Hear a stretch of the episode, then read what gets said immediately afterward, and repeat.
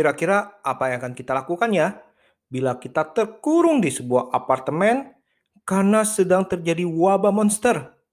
Sedangkan penghuni yang ada bersama kita juga mempunyai risiko menjadi monster juga.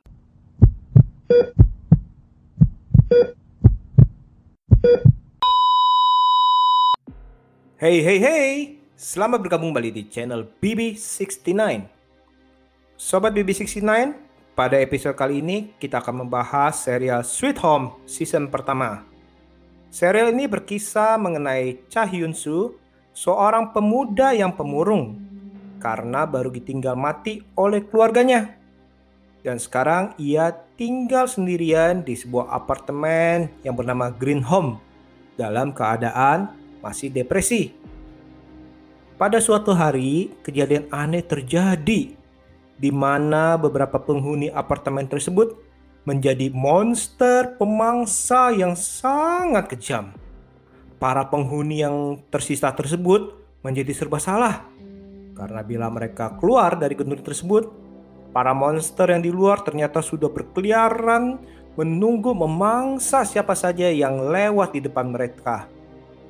Jadi, mereka harus memutuskan untuk tetap bertahan di dalam apartemen tersebut di mana ternyata ancaman pun tetap ada. Serial yang diangkat dari webkomik karya Kim Kan Bi dan Hwang Yung Chan ini mempunyai premis yang sangat menarik. Coba sobat BB69 bayangkan di mana kita terjebak di dalam sebuah gedung apartemen tanpa mengetahui apa nih yang sedang terjadi di luar sana. Dan selain itu, harus bertahan hidup dengan apa yang ada di dalam gedung tersebut. Karena ya tadi yang seperti saya bilang itu, bila mereka keluar, sudah menunggu nih para monster yang beraneka ragam untuk memangsa mereka.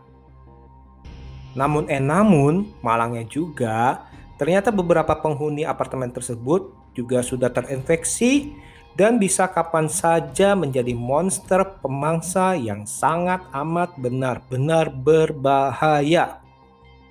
Jadi, selain bekerja sama untuk bertahan hidup, ternyata nih mereka harus saling mewaspadai satu dengan yang lain. Karena takut sewaktu-waktu orang yang di dekat kita atau yang sudah kita percayai ternyata berubah dan malah membahayakan atau memangsa hidup kita. Konon ini merupakan serial original Netflix yang termahal sampai saat ini, di mana menelan biaya kurang lebih 34 miliar per episode. Iya, per episodenya loh. Benar-benar wow ya budgetnya ya. Nah, hal ini kemungkinan besar karena mereka jor-joran untuk CGI ataupun practical effect untuk menciptakan para monster yang beraneka ragam ataupun untuk menciptakan suasana pertarungan atau tanda kutip suasana kiamat.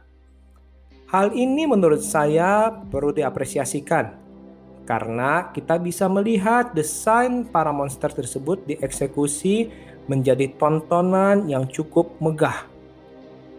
Walau ya, memang perlu diakui bahwa ada beberapa adegan yang CGI-nya masih terlihat kasar. Tapi secara keseluruhan, siapa sih yang tidak takjub melihat monster tanpa kepala? Melihat monster berkaki binatang? Atau melihat monster bayi, monster raksasa, monster bermata panjang, atau monster-monster lainnya? Kalau saya pribadi sih sangat menikmati melihat hal-hal di atas. Karena seolah nih saya sedang membaca grafik novel atau menonton sebuah anime. Untuk trailer dan aksinya pun dikemaskan dan disuguhkan tidak main-main. Adegan saat mereka harus bersembunyi agar tidak terlihat atau tidak terdengar oleh monster itu keheningannya dan rasa terornya itu merasuk ke jiwa saya sebagai penonton. Atau sebaliknya nih, para tokoh harus berlari menyelamatkan diri dari kejaran monster yang ada di hadapan mereka itu bisa membuat saya berharap-harap cemas atau jantung saya bertukup cepat dan berharap untuk keselamatan mereka. Serial ini disutradari oleh Lee Yung Bok. Siapa dia? Dia adalah sosok di balik drama-drama populer seperti Mr. Sunshine, Descendant of the Sun, Goblin the Great and Lonely God, dan masih banyak lain. Yang tentunya nih bisa dibilang jaminan mutu. Untuk para pemainnya juga sudah tidak asing lagi. Sebut aja Song Kang yang sudah bermain di dalam Love Alarm 1 and 2, terus ada When Devil Calls Your Name dan lainnya. Ada lagi juga Lee Jin Wook yang sudah bermain di High Society, A Tiger in Winter, Voice 2 and 3, Goodbye Mr. Black, dan masih banyak lainnya. Kemudian ada aktris Lee Si Young yang merupakan juara ketiga dari Seven National Amateur Boxing Championship loh. Nah, beliau ini sudah berperan dalam No Mercy, Life or Die, Risky Romance, dan lain-lainnya. Dan yang terakhir nih ada juga Lee Do Hyun yang sudah kita bisa lihat perannya di 18 Again, Hotel de Luna, Still Seventeen, Prison Playbook, dan film-film lainnya. Sebenarnya, bagi saya nih untuk para pemainnya itu sudah sangat sesuai dengan karakter yang dibawakan. Namun permasalahannya adalah bahwa karakter yang ada itu terlalu banyak. Sehingga ada beberapa episode di pertengahan seolah-olah berjalan dengan pace yang sangat lambat demi memperkenalkan latar belakang dari karakter-karakter yang penting. Saya pribadi sempat merasa bosan nih Mungkin karena sebelumnya saya baru saja menyelesaikan serial Alice in Borderland yang juga mempunyai banyak tokoh, namun eksekusinya sangat efektif dan ringkas. Nah, ini mungkin ya, mungkin karena ciri khas masing-masing, di mana film Jepang seolah lebih cepat pace-nya, sedangkan Korea Selatan ada kalanya pace-nya melambat dengan harapan kita relate dengan tokoh yang ada. Hal ini sebenarnya membuat membagi para penonton menjadi dua kubu. Kubu pertama merasa bosan atas perkenalan tokoh-tokoh yang menurut mereka itu dianggap terlalu lambat atau terlalu panjang waktunya. Namun kubu kedua malah merasa senang karena para tokoh utamanya diberikan waktu agar kita bisa mengenal mereka. Apalagi nih dengan ciri khas drama Korea yang memperkenalkannya secara baik yang membuat kita mungkin akan merasa empati terhadap para tokoh tersebut. Namun ya sekali lagi saya pribadi sih merasa seolah di pertengahan episode ini terlalu lambat dan pada beberapa episode terakhir malah dibuat seolah itu ngebut. Pace-nya benar-benar cepat seolah terburu-buru lah. Ini menurut saya sih agak disayangkan.